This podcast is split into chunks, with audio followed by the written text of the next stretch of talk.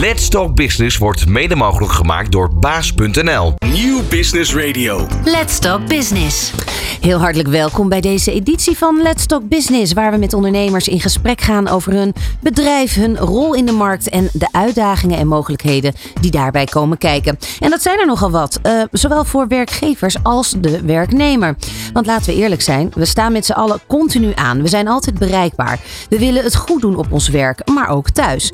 Het brancheoverstijgende tekort aan werknemers zorgt ervoor dat de werkdruk voor veel mensen toeneemt. En het hybride werken zorgt ervoor dat de scheidslijn tussen werk en privé verder vervaagt. Verzuimpercentages lopen op terwijl het tekort aan bedrijfsartsen groeit. In deze uitzending van Let's Talk Business ga ik erover in gesprek met de algemeen directeur van Aquilum, Monique Schutrups, en met registeradviseur duurzame inzetbaarheid Angelique Koeter. Zij streven naar een leven lang inzetbaar zijn. Geen symptoombestrijding, maar als echt een partner meedenken en adviseren over hoe medewerkers langer gezond en energiek aan de slag kunnen blijven of na uitval opnieuw aan de slag kunnen. Want preventie is de essentie, is het credo van Aquilum. En hoe je als werkgever nou het beste hieraan kan voldoen, dat hoor je in dit uur van Let's Talk Business. Ondernemende mensen, inspirerende gesprekken, innovaties en duurzaamheid. Let's Talk Business met Fabienne de Vries. Ja, en met uh, Monique Schutrups. Hartelijk welkom. Goedemorgen. Goedemorgen. En Angelique Koeter ook wel. Welkom. Heel goed dat jullie er zijn. Um, ja, we gaan het uh, uitgebreid hebben over alle diensten die jullie uh, um, uh, hebben en, en, en wat jullie allemaal doen. Maar eerst even kennis maken met jullie zelf. Want Monique, jij bent algemeen directeur van de Aquilium Groep. Ja, dat is correct. Daar, dat ben ik. Daar vallen een, een, een, een aantal bedrijven inmiddels onder. Um, wat, is jouw, wat is jouw dagelijkse bezigheid? Mijn dagelijkse bezigheid is eigenlijk heel breed. Ik hou me bezig met uh, het kijken naar nieuwe acquisities. Wat is er mogelijk? Wat past er nog meer bij onze groep?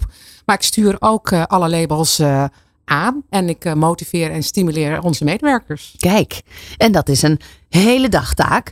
Ja, absoluut. Ja. En want het is natuurlijk ook een beetje het droste effect. Dat als je wil dat het bij bedrijven de gezonde werknemer. Ja, dan ben je daar natuurlijk als algemeen directeur ook super keen op uh, bij je eigen bedrijf. Absoluut, want wij hebben als kernwaarde werkplezier. En dat is een van de belangrijkste dingen. Ja. Wij, of tenminste, ik wil heel graag dat onze medewerkers uh, met plezier aan en bij het werk gaan. Ja. ja. En daar is, dat, het is mogelijk. Er, je, je, moet er gewoon veel aandacht voor hebben. Absoluut, ja. En je doen het, hè? Zeg, wij doen het, dus het is mogelijk. Ja, precies, jullie doen het. Angelique Koeter, jij bent registeradviseur duurzame inzetbaarheid. Een hele mond vol. Ja. wat, houdt, uh, wat houdt het in? Um, adviseur duurzame inzetbaarheid houdt eigenlijk in dat ik uh, organisaties mag adviseren over hoe ze het nou voor elkaar krijgen om hun mensen goed inzetbaar te hebben en te houden. En betekent dat dan dat jij ook echt bij de mensen in het bedrijf aanwezig bent of jij leidt de groep die dat doet? Ik adviseer op organisatieniveau. Dus maar uh, ik praat wel veel met de mensen in het bedrijf. Ja. Want dat is de essentie natuurlijk waar het om gaat. Ja, precies. Ja. ja. Um, jij, Monique, uh, zit inmiddels ruim vijf jaar ja. bij de club. Um, het is, er zijn een aantal overnames geweest. Hoe zit dat precies? Ja, ik ben in 2017 uh, begonnen met uh. Op dat moment nog een uh, kleine groep bedrijfsartsen. En een, uh, een arbodienst, die hebben we wat groter gemaakt. En vanaf 2020 uh, heeft Carmijn Kapitaal, een investeringsmaatschappij, Eklaar overgenomen. En vanaf dat moment zijn wij, het MT, naar de hei gegaan en hadden zoiets van: oké, wat is onze droom? Hoe kunnen we die neerzetten? En toen hadden we zoiets: oké, dat moet een, een, geen arbodienst meer zijn, maar een specialist op duurzame inzetbaarheid. Werk is meer dan een baan. En vanaf dat moment zijn we gaan kijken: oké, hoe willen we dat dan doen? Dat kan hè, door autonome groei, maar het kan ook door overnames. En hoe kunnen we nou dat, zeg maar, hoe kunnen we Aquilum Groep nou zo mooi neerzetten? Dus de eerste overname is uh, Rendements geweest, een kleine arbodienst met ZZP'ers, inmiddels geïntegreerd in Equilar. De tweede overname is Medicum Consult geweest, een um, netwerk van bedrijfsartsen en praktijkondersteuners bedrijfsartsen, POB'ers. De derde overname is geweest Translion, een bedrijf gespecialiseerd in tweede sporen integratie in Capelle aan de IJssel. En de vierde is uh, geweest uh, Solid Sense, een uh, bedrijf gespecialiseerd in trainingen En ook tweede sporen integratie. Ja, want in de eerste instantie waren jullie dus die, die Arbo, of een aantal uh, bedrijfsartsen en de Arbo-dienst los van elkaar. Want wat, wat miste er dan bij alleen een Arbo-dienst?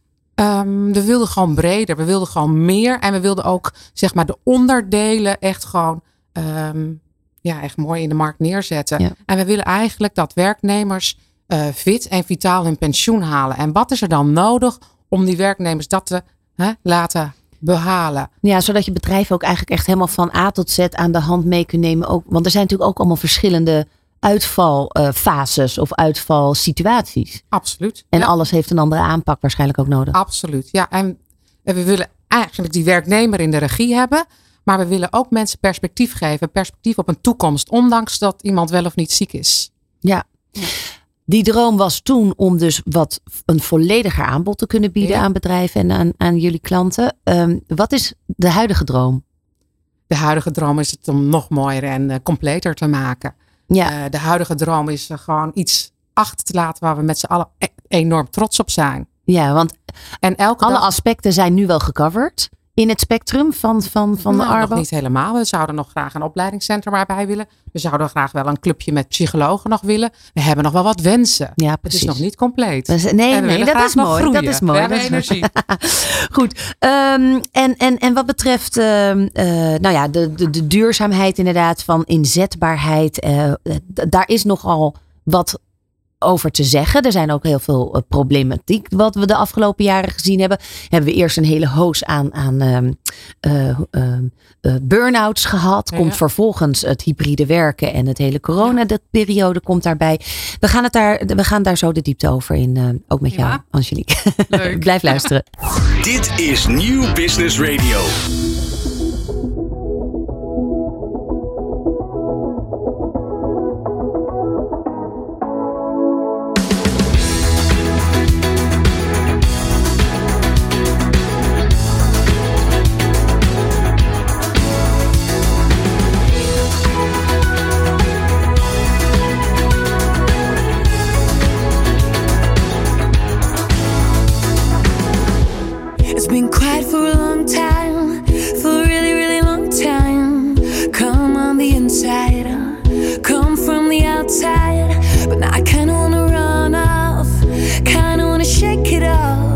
Fiery on the inside, fiery from the outside.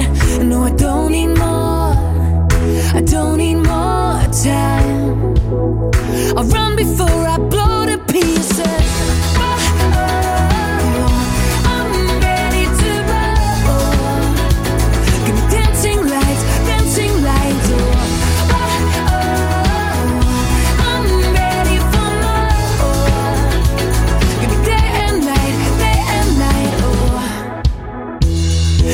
to life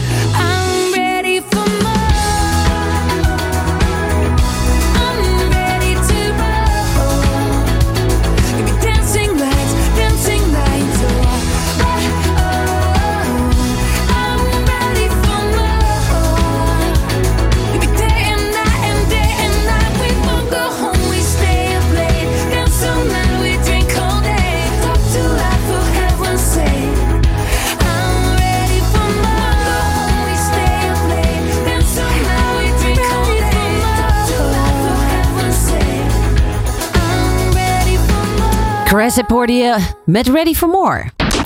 Let's Talk Business op Nieuw Business Radio.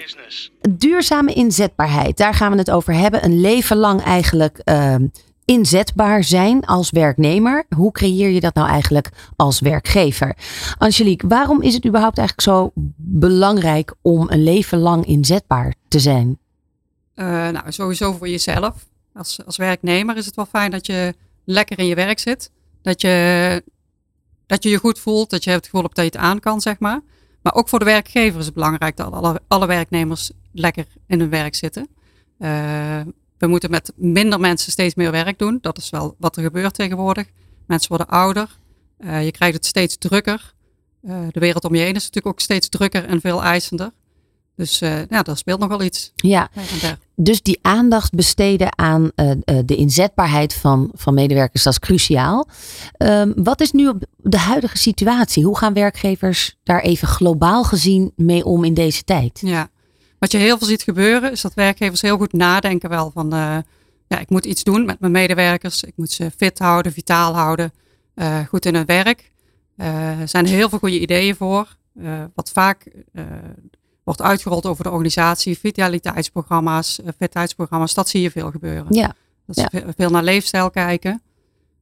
en zijn dat programma's waarvan je zegt, nou lekker bezig? Of, of, of, of schort daar hier en daar wat aan? Uh, ik denk dat het alle, heel veel mooie programma's zijn. Er zijn echt wel hele goede programma's ook. En het is altijd goed om met vitaliteit te werken.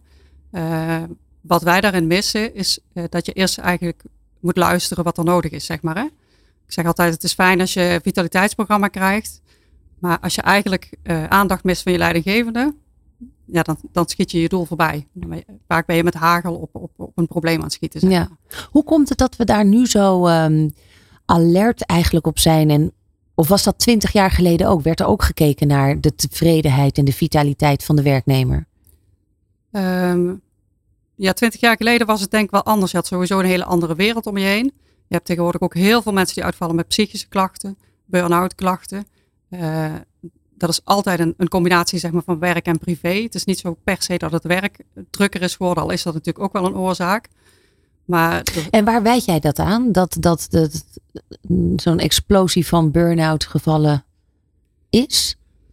Je ziet het veel in de jongere generatie. Ja, waar het precies aan te wijten is, dat, ja, er zijn verschillende meningen over. Ik denk dat het heel veel te maken heeft met de wereld om je heen. Uh, mensen maken zich ook druk om wat er gaat gebeuren. De toekomst ziet er heel anders uit dan twintig jaar geleden, zeg maar. Mm. Dus dat speelt daaraan mee. Dan heb je het dus over milieu-issues. Want ja. dat is hetgene waar we waar we echt zeg maar voor de toekomst dan. Ja, en ook de vergrijzing zeg maar. Hè? Dat ze ook wel zien komen dat er minder mensen zijn voor, voor meer werk. Um, en ik denk wat je ook wel bij de oudere generatie ziet bijvoorbeeld is... Uh, het, het speelt allemaal op elkaar in denk ik. Als je problemen hebt in de zorg, betekent dat er meer mantelzorg nodig is vanuit mensen zelf. Dus daardoor heb je vaak medewerkers in de zorg zijn vaak overbelast en door de werkdruk, maar ook door wat ze privé nog allemaal doen. Hm. Dat moet je echt niet onderschatten. Dus dat, mantelzorg en dergelijke. Mantelzorg. Of mensen die financiële problemen hebben, zie je nou ook heel veel. Hè? Ik bedoel, als je alle gasprijzen, inflatie, ja. die problemen neem je ook mee naar je werk en zorgt ook voor verminderde inzetbaarheid. Dus het is niet zo simpel dat je zegt als je je werk goed organiseert, is alles opgelost. Het ligt breder dan dat. Ja. Um, Monique, zie jij nog andere dingen die twintig jaar geleden voor werkgevers eigenlijk helemaal geen issue zijn, maar vandaag de dag wel echt heel belangrijk? Nee, ik kan me wel aansluiten bij wat uh, Angelique net zei. En de wereld is gewoon veel sneller geworden. Andere problematieken. Nee, dus ik denk dat het een mooie, een goed verhaal is van Angelique. Ja, um, dan, dan, dan wil je een goede werkomgeving creëren als werknemer, uh, werkgever. Um, waar moet een goede werkomgeving aan voldoen? Ja, ik denk de, de, de gouden tip, wat ik altijd zeg, is dat een goede werkomgeving vooral luistert naar wat de mensen zeggen. Ik denk dat degene die het meeste verstand hebben van een baan en wat er nodig is, is de werknemer zelf. Ja. En dan leg je denk meteen de vinger op de zere plek. Je kunt echt honderd mooie ideeën hebben en prachtige programma's voor je werknemers uitrollen. Maar het begint met luisteren naar elkaar. Mhm. Dus en ik denk dat dat het geheim is voor iedere werkgever. Ja, Werkgevers luisteren gewoon slecht. Slecht naar hun werknemers. En uh, hebben vaak ook geen doel. Dus communicatie, een goed doel hebben, ja, daar begint het mee. Ja, want hoe kan dat dat, dat, dat dan managers of werkgevers niet luisteren? Waar heeft dat dan mee te maken? Ehm, dat heeft met hun eigen perspectief te maken, waar ze zelf mee bezig zijn. Ze zijn met hun eigen ik bezig. Ze kijken vooruit en vergeten wat achter hen is en eh, Ja. mee te nemen. Of misschien te veel juist die helikopterview eh, van hier moeten we met het bedrijf naartoe. Zonder te kijken van wie moet dat voor mij gaan doen. Ja, en, en je ziet ook wel veel in bedrijven, omdat er natuurlijk eh, een krappe arbeidsmarkt is. Dus dat er dan onderbezetting is. Maar dat geldt ook voor, de, voor teamleiders, managers, noem maar op. Hè.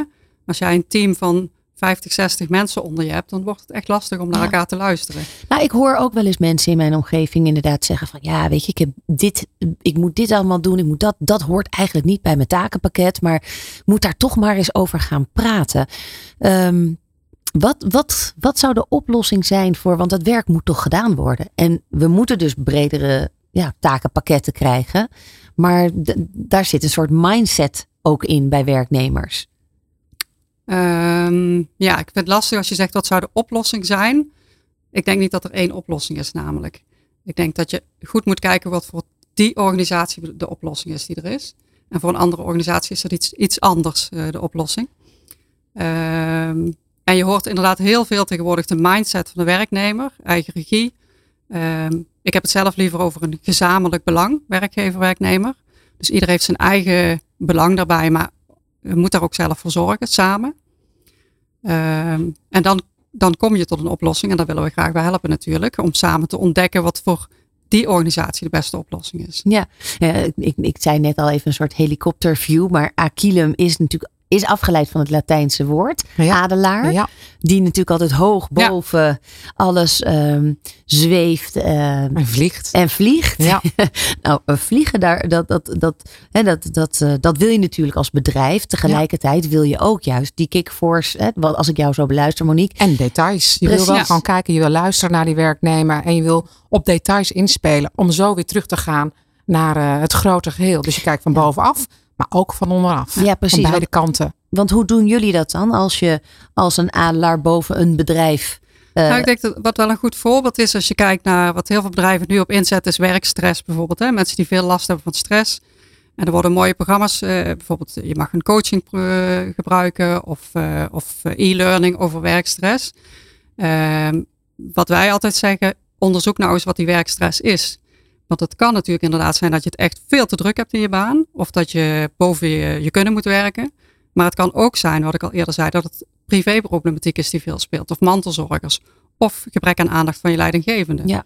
Nou ja, dat is misschien ook wel de grootste verandering, denk ik, in de afgelopen twintig jaar. Dat je als werkgever altijd dacht: ik heb niks te maken met wat er achter die voordeur gebeurt. Ja. Dat mijn, mijn verantwoordelijkheid gaat tot de uitgang van, van mijn pand. Ehm, wat ze daarna doen, dat, eh, ja. Ja. dat, dat is niet aan mij. En, en, maar vandaag de dag komen we er eigenlijk achter hoeveel effect dat toch ook heeft over wat er binnen Precies. het pand dan uiteindelijk gebeurt. Ehm, Maar je wil dat je werknemers gewoon in balans zijn. Dus dat betekent en thuis en op het werk. Maar ja, tegelijkertijd kun je als werkgever toch niet continu bezig gaan houden met alle scheidingen of opvoedkundige uitdagingen of eh, gezond, nou, gezondheid dan weer wel, want dat neem je echt letterlijk mee. Mhm. Maar ook die andere aspecten, denk ik hoor. Ik denk eh, het feit alleen al dat je verhaal kwijt kan bij een leidinggevende of, of, of een coach of een HR-coach in je bedrijf, noem maar op. Dat doet heel veel dat je erover kunt praten. En als werkgever kun je heel veel doen. Je kunt bijvoorbeeld op eh, financieel gebied eh, een bureau in de arm nemen, dat, hè, waar de werkgever, werknemer terecht kan. Ehm, en dat kun je ook doen door zo'n coach aan te bieden. Eh, ik denk als je als werkgever erin verdiept, wat het je oplevert, niet alleen in werkplezier voor je werknemers, maar ook in euro's. Ja. Dan, dan hou je er dik aan over. Zeg Ja, maar. want iemand zit dan wel op kantoor. Hè? Stel je voor, ik heb schulden en eh, ik ga wel naar kantoor en ik ga werken. Maar de hele tijd in mijn achterhoofd draait dat radeltje. Hoe moet ik het oplossen? Hoe betaal ik de rekeningen? Dan ben je niet meer effectief aan het werk. Dan Mhm. ben je aan het overleven op je werk. Dus het betekent dat je er wel fysiek bent, maar dat je gewoon veel minder doet dan dat je eigenlijk zou moeten doen. En dat geeft natuurlijk stress. Ja. En je loopt zo ook achter in je werkzaamheden. Ja. Ja. En, dan, en dan, hoe krijg je dan uiteindelijk, want dit zijn natuurlijk ook allemaal onderwerpen ehm, waar mensen zich een beetje voor schamen. Dus Mhm. daar ook niet heel makkelijk over Ja. praten. Ehm, hoe krijg je dan de werknemer zover dat hij, dat hij zich daar open en veilig genoeg in voelt?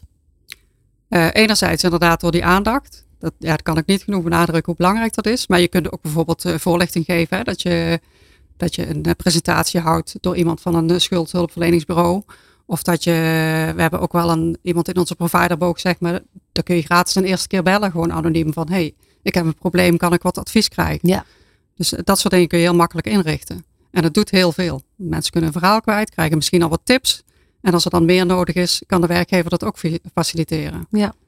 Nou, er is, eh, jullie hebben daar hele trajecten voor, waaronder het eh 12 kenmerken model. Eh, daar gaan we het over hebben. Blijf luisteren. Van hippe start-up tot ijzersterke multinational. Iedereen praat mee. Dit is New Business Radio.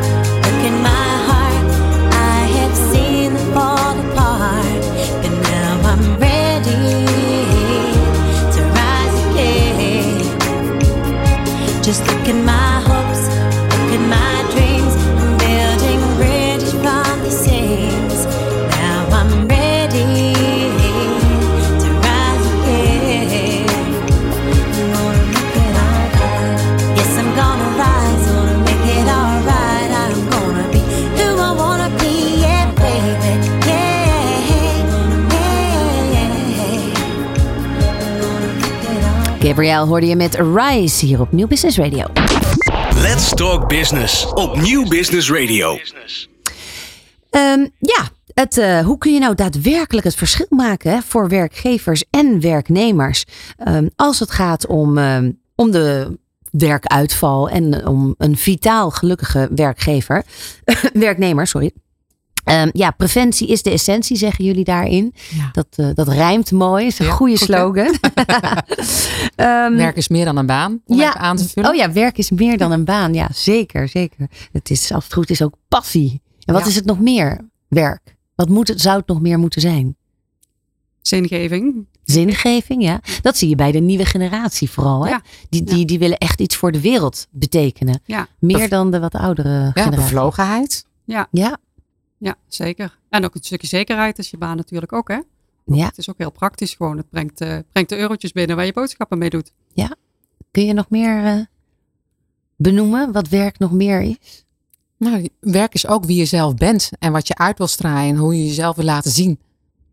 Volgens mij komen inderdaad ook steeds meer mensen erachter dat als ze iets doen wat echt goed bij ze past, bij hun talenten, maar ook bij hun, bij hun interesses en passie, eh, dat wat, wat natuurlijk ook heel anders is dan zoveel jaar geleden, ehm, dat het eigenlijk geen werk meer is. En dan heb je werkplezier. Dan heb je werkplezier. Dan doe, doe je iets wat gewoon vanzelf gaat.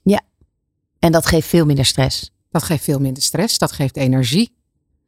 Daar word je blij van. Ja, dan Ja, wordt werk inderdaad eh, minder belastend. Terwijl vro- vroeger ging je natuurlijk een bepaalde studie doen en dan sukkelde je eigenlijk maar door, gewoon in die richting. Ja, er zonder heel veel mensen die iets hebben gestudeerd, wat ze eh, en eh, totaal iets anders later zijn gaan doen. Ja. Ik ben er zelf denk ik ook wel een voorbeeld van. Ja, want wat heb jij gestudeerd? Ik ben eh, van oorsprong docent Nederlands. Ah, Dat is toch echt anders. het is toch anders, ja. Ja. En wat maakte dat jij in deze branche zo terecht aan kwam? Nou, ik heb eerst nog eh, bij een grote retailer ben ik eh retail trainee geweest. Heb ik het vak eh, geleerd van leiding geven en van bouwen. En toen ben ik ooit eens gevraagd voor een start-up. Arbodienst. En daar ben ik begonnen. En zo is dat balletje En zo is balletje gaan ja. rollen. En, en wat maakt dat het voor jou nu geen werk is? Nou ja, dit is mijn droom. dit is mijn Achillem. Absoluut. Ja, Want elke dag weer opnieuw. We doen het met elkaar, we doen het samen, we doen het holistisch.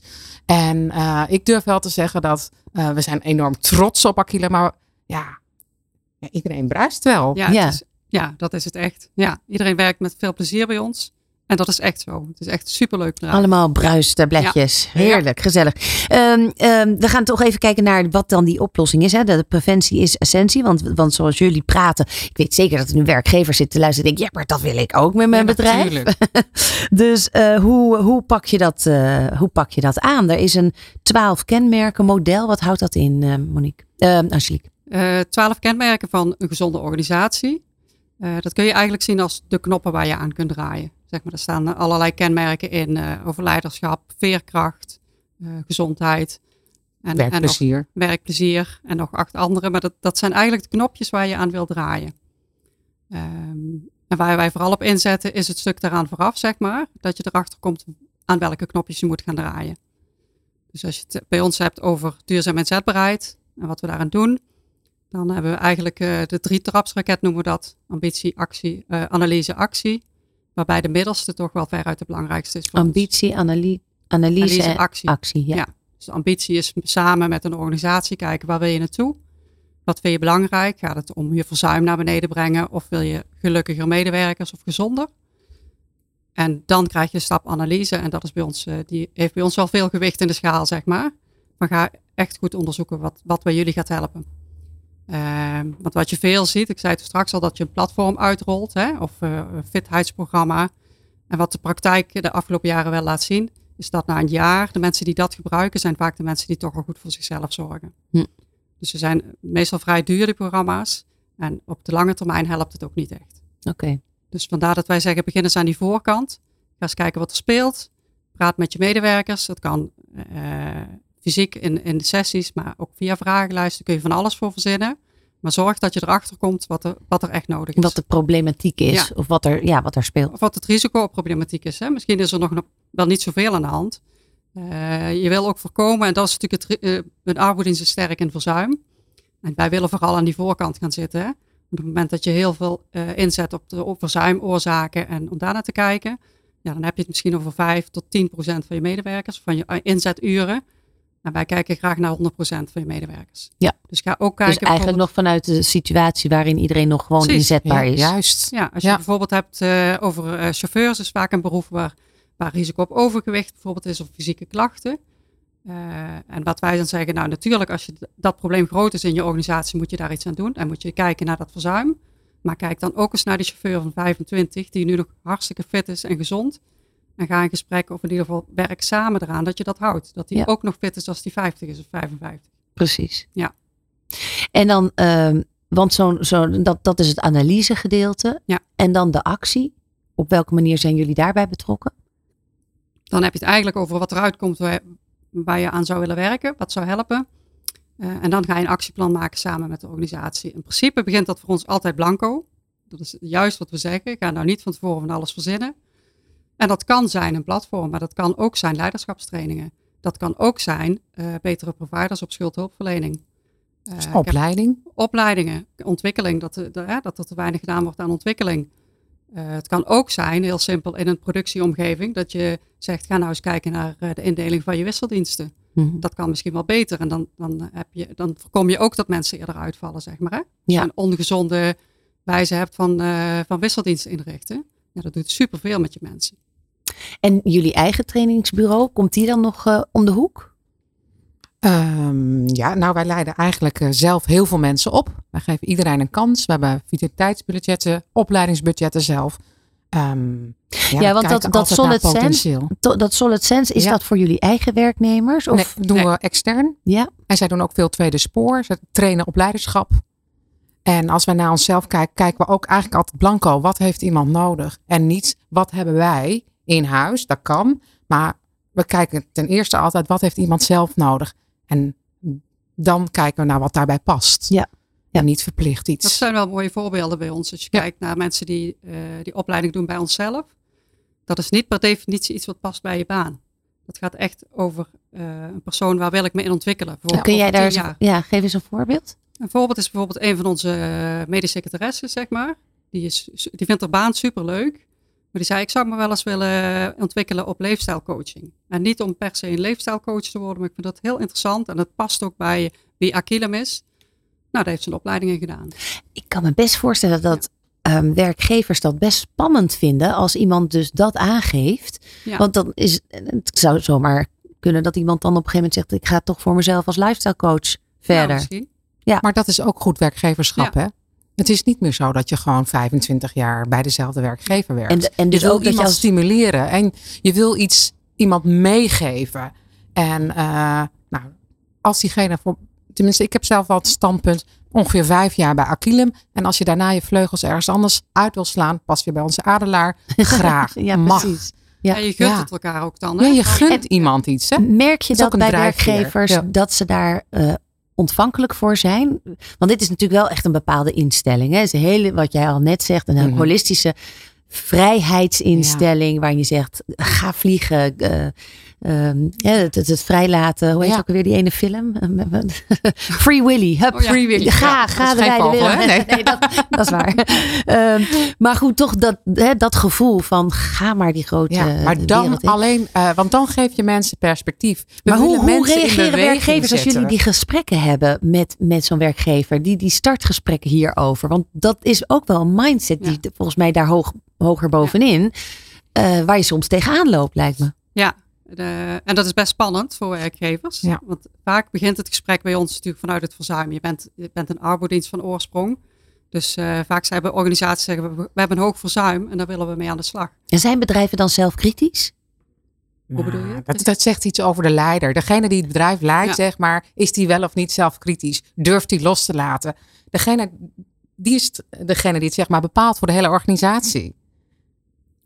Ja, het begint met voorbeeldgedrag natuurlijk vanuit Ja. de leider. Mhm. En als die heel eh, behoudend is, iemand iets niet gunt, geen kansen creëert, ja, dan krijg je niks in beweging. Nee. Dan wordt het gewoon. eh, Dus daar moet af en toe Een wel eens een beetje aan gemorreld en ge- Ja. gedaan Je moet een worden. beetje naar het grotere Eigenlijk begint kijken. het proces dus eh, met in de eerste instantie naar de leid- leidinggevende eh, kijken. Ja, Nou, het proces begint als je in gesprek gaat met een organisatie over, over dit thema. Dan begint het eigenlijk parallel dat je bovenin gaat praten met de directie. Want die moet het, die moet het uitdragen. Precies, ja. En parallel daaraan met de onderkant, met de, met de werknemers. Ja. Dat bedoel ik niet boven en onder. eh, ja, klinkt Ja, echt eigenlijk heel onvriendelijk, met- maar gewoon. En daar kan, ja, nee, daar kan Ja. natuurlijk wel een gro- grote kloof in zitten. Ja. Hoe, hoe gaan jullie daarmee om? Nou, dat begint met het overtuigen van, eh, van de bovenkant dat ze erin, ja, om erin te investeren, zeg maar. Ja. Want, Maar ze komen niet voor niets bij jullie natuurlijk. nee, ze Dus dan, dan staat al één been Ja. staat al in Eén de been, verandering. ja. Ja. En Ja. de werknemers doen het werken. En je wilt dat die werknemer eh, bevlogen is en plezier heeft. Als hij dat niet heeft, zal hij eerder stress ervaren en uitvallen. En als ja, iets moet voor- door het hele bedrijf voelbaar zijn en gedragen worden. Ja, en dat doet toch de directie van een bedrijf. Ja. Die moet het laten landen. Jullie zeggen van eh, we willen graag die sparringspartner zijn, hen- Mhm. hen ondersteunen, zodat ze eh, zonder dat ze eigenlijk iets verplicht zijn om af te nemen. Wat, wat, wat wordt daarmee bedoeld? Dat Geen- wij bijvoorbeeld heel veel providers hebben, zeg maar. Hè. We kunnen van alles leveren. Eh, maar soms hebben ze die ook zelf. En dat is prima. Dan werken we met die van hun samen. Ehm, ja. Ja. eigenlijk gaat bij ons alles op, op maat werken. Precies. Zo'n zo'n, eh, advies duurzaam inzetbaarheid. We kunnen ook alleen de analysefase doen. En ze dan zelf iets meegeven om het zelf te doen. Als ze goede mensen hebben. Ja. Het is niet verplicht dat wij het hele traject doen. Wij nee, zetten niet, precies. we, komen, we komen niet binnen van nou, we gaan een tweejarig traject doen bij jullie. Nee, en, en, Nee, en, en, korte en lijn. ook niet eh, onze labels, zeg maar. Het is ook niet dat als je bij eh, ons, als je ons op advies vraagt, dan hoef je niet bij onze labels de dienstleiding af te nemen. Nee. Nee. Ook daarin laten we vrij. En ik denk dan handel je vanuit kracht. En dat is zo belangrijk. Je wil je sterke kant laten zien en niet vanuit angst of Ja, iets anders aansturen. Korte lijnen ook belangrijk. Mhm. Ja, zeker. Waarom? Ehm, als organisatie vind je het fijn als je bijvoorbeeld één vast contactpersoon hebt. Dat je niet elke keer belt en dan die, oh, oh daar heb ik nog niks van gehoord, moet ik even navragen. Nou, Ja, dat, maar je wil ook bereikbaar zijn. ja, En precies. het maakt niet uit wie, maar je wil gewoon met één telefoontje iemand ook aan de lijn krijgen. En je wil elkaar leren kennen, denk ik. Als je vast contactpersoon hebt, dan op een gegeven moment dan voel je elkaar ook steeds beter aan. Weet je wat er speelt aan beide kanten. En dat helpt. De positieve balans, dat is eh, waar het eh, om gaat. We gaan er zo over verder praten. Dankjewel. Dit is New Business Radio.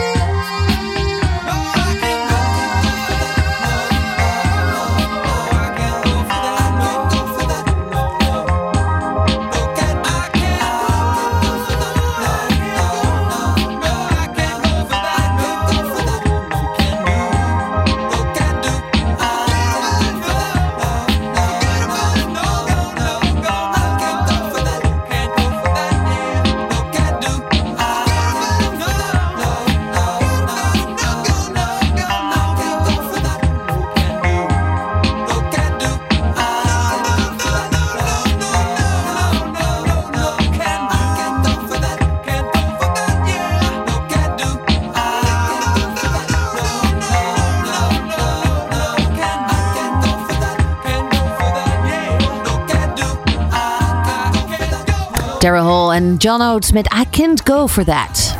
Dit is Nieuw Business Radio. Let's Talk Business. Een positieve balans, dat is wat je als werknemer wil. Eh, en als werkgever natuurlijk ook wil voor je werknemers. Ehm, die, die positieve balans, wel- welke balans wordt dan daarmee bedoeld? De balans eh, tussen werk en privé. Dat is de positieve balans. En dat moet een evenwicht zijn. En als we gewoon nu even kijken naar Nederland, waar zitten wij dan? Ehm, ehm, ten aanzien misschien ook wel van de rest van Europa. Dat is een hele goede vraag. Ik denk Zijn wij Nederlanders een beetje in balans? Ik bedoel, jullie zijn er natuurlijk voor de, de, degene waarbij het uit balans raakt. Maar zijn we over het algemeen een beetje in balans in Nederland? Nou, binnen Aquilum zeker. ja. Dat sowieso. Eh, Ze, eh, eh, ja, want ze zeggen wel eens, eh, eh, als je te veel in balans bent, dan is er geen vooruitgang. Juist de disbalans zorgt voor aandacht aan bepaalde zaken, waardoor je groeit en vooruitkomt. dat klopt. Ik denk dat de uitdaging zorgt dat je groeit. Maar uitdaging betekent niet dat je niet in balans kunt zijn. Bedoel, eh, Je kunt uitdagingen hebben terwijl je in balans Ja. bent. je kunt ook de balans vinden tussen wat je wil en je werk, zeg maar. Hè? De balans tussen je, je ontwikkelmogelijkheden en je werk. En, en balans werk-privé is een hele belangrijke sowieso. En wat zijn dan belangrijke dingen als je het zegt van nou, de, de, de- er moet balans zijn tussen werk en privé. En, en wat, wat wordt daar dan mee bedoeld? Ja, ik, ik spit het een beetje uit omdat het zo van die containerbegrippen Ja. zijn. Want, Mhm. Ja, ik moet me, me, me- me- hè, we zijn allemaal alle ballen hoog aan het houden. Met gezin of zonder gezin, maakt niet uit. Ehm, dus kunnen we überhaupt wel in balans zijn? En hoe ziet dat er dan uit?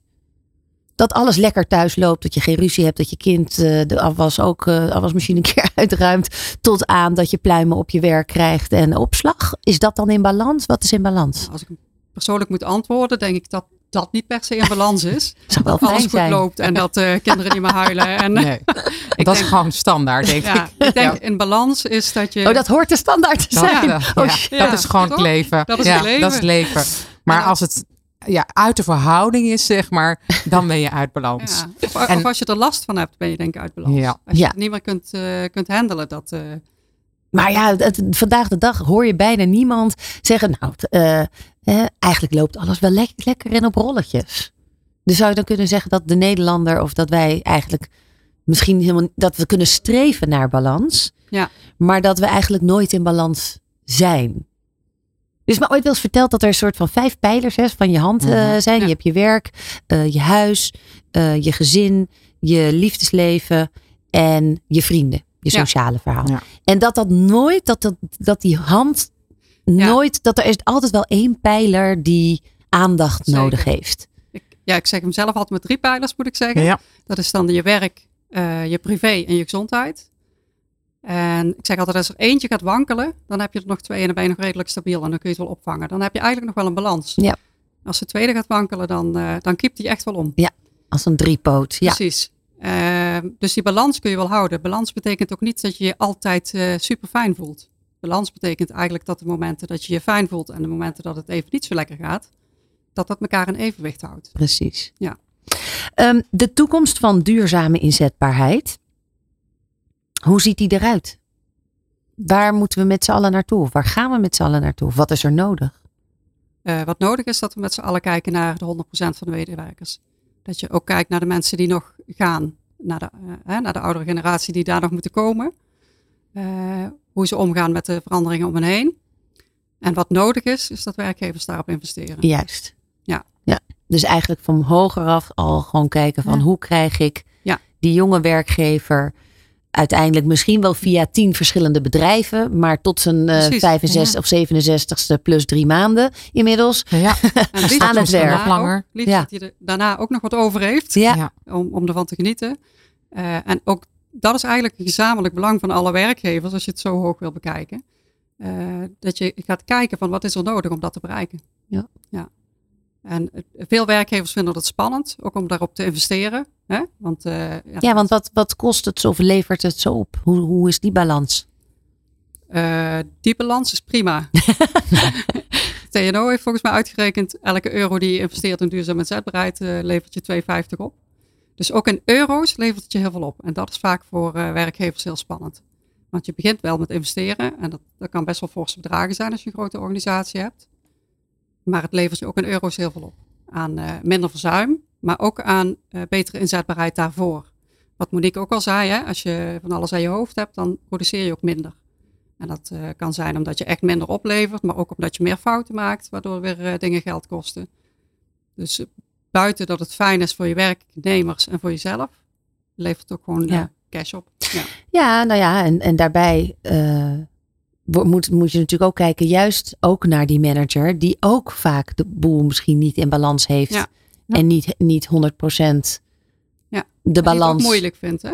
Zie je zeker vaak in de zorg of in productiebedrijven. Dat zijn mensen die doorgroeien vanuit de werkvloer. Ja. Dat ze hun werk heel goed doen en, en ook graag willen ontwikkelen. Maar die Maar soms de competenties daarvan Precies. missen. Waardoor je eigenlijk niet de juiste leidinggevende hebt. Ja. En En dat- dus je moet ook wel echt kijken, wat, eh, wat is de competentie van jouw werknemer? Kan die inderdaad wel een team aansturen? In plaats van dat hij al daar twintig jaar werkt en dan eigenlijk de recht, het recht heeft op de functie. Ja. Dan maak je gewoon een, eigenlijk een... eh, Nou zijn jullie een extern bureau die daarvoor ingehuurd wordt. Welke rol heeft de HR-afdeling in deze? een grote rol. Die zal er altijd bij betrokken worden. Je gaat aan de slag met de directie, maar ook met mensen van de vloer en mensen in management, maar zeker ook met HR. Die hebben daar een grote rol in. Ja, ik kan me voorstellen dat bedrijven denken, ja, maar hier hebben we onze HR-afdeling voor. ja, nou, die HR-afdeling die kan ons eh, bellen en dan eh, gaan wij ze graag ondersteunen. ja, want dat is, dat is wel de, de, de samenwerking die nodig is, Ja, lijkt me. absoluut. Ja, vanuit nee, daar. Zeker. Het is Zeker bij altijd samen. Ja. Het is, eh, dit kunnen we niet alleen. Nee, We doen dit samen. Samen met werkgevers, samen met werknemers. We hebben altijd een, eh, een onderdeel in Let's Talk Business, dat heet de ondernemersvraag. Mhm. Ehm, nou, ik zou met jou willen beginnen, Monique. Ja. Eh, noem eens een getal onder de tien. Een getal onder de tien. Hmm, zes. Komt-ie. Zijn er dingen in jouw vakgebied die erbij horen, maar die je liever niet doet? Nou, Getal zes. zijn er dingen die er in jouw vakgebied horen die je eigenlijk liever niet doet, Zijn er maar dingen? wel noodzakelijk zijn? Ehm, dat is een goede vraag. Er zijn natuurlijk altijd dingen die ik niet leuk vind. Hmm, ik zeg altijd, ik heb altijd, als ik heel veel mailtjes moet wegwerken, heb ik strafwerk.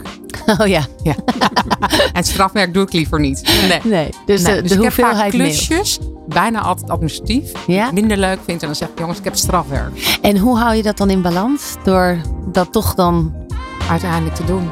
te Ja. doen? Dus 6% doe ik altijd leuk en 4% is dan nee. nee dan had ik 2 moeten zeggen. Dus ik wissel van getal 2. 2% is niet leuk en 8% is wel leuk. Heel En het is bij mij prima in balans. Ja. Ga je daarna een lekkere wandeling maken? En dan is het weer eh, in balans. Ja, nou, het liefst ga ik dan zwemmen. Oh, zwemmen, En, eh, ja. Ik vind het heerlijk. En dan zwem ik naast iemand en dan wil ik toch altijd nog winnen en eh, harder zwemmen. Ja, snap ik, snap ik. Ehm, dan heb ik er voor jou ook eentje. Angelique, zeg het maar. Hmm, nummer drie.